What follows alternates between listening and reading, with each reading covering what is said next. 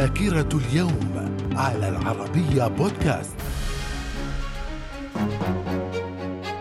أهلا بكم إلى ذاكرة اليوم التاسع عشر من أبريل ففي العام 1775 اندلاع حرب الاستقلال الأمريكية التي أدت في النهاية إلى قيام الولايات المتحدة.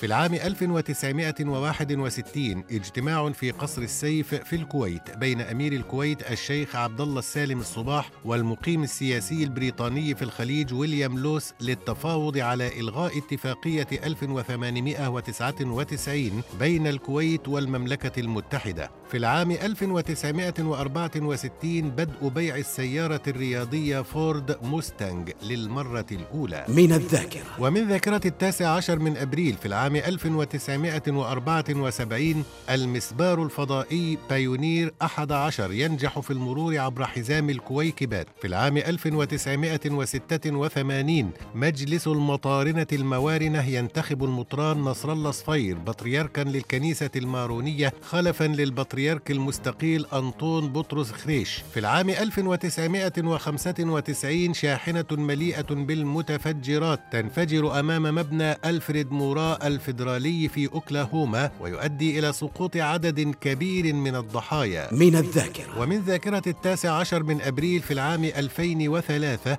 إعادة انتخاب أولوسيغون أوباسانجو رئيسا لنيجيريا لفترة رئاسية أخرى بعد أن حصل على 62% من مجمل أصوات الناخبين. وفي العام 2005 انتخاب الكاردينال الألماني جوزيف راتزينجر بابا للكنيسة الرومانية الكاثوليكية تحت اسم بنديكت السادس عشر خلفا للبابا يوحنا بولس الثاني. وفي العام 2015 محكمة جنائية مصرية تقضي بإعدام أحد عشر متهما في أحداث استاد بورسعيد التي وقعت سنة 2012 من الذاكرة. ومن مواليد التاسع عشر من أبريل في العام 793 فرديناند الأول إمبراطور النمسا. في العام 1882 جيتوليو فرغاس رئيس البرازيل. وفي العام 1937 جوزيف أسترادا رئيس الفلبين. في العام 1979 ولدت كيت هيدسون الممثلة الأمريكية.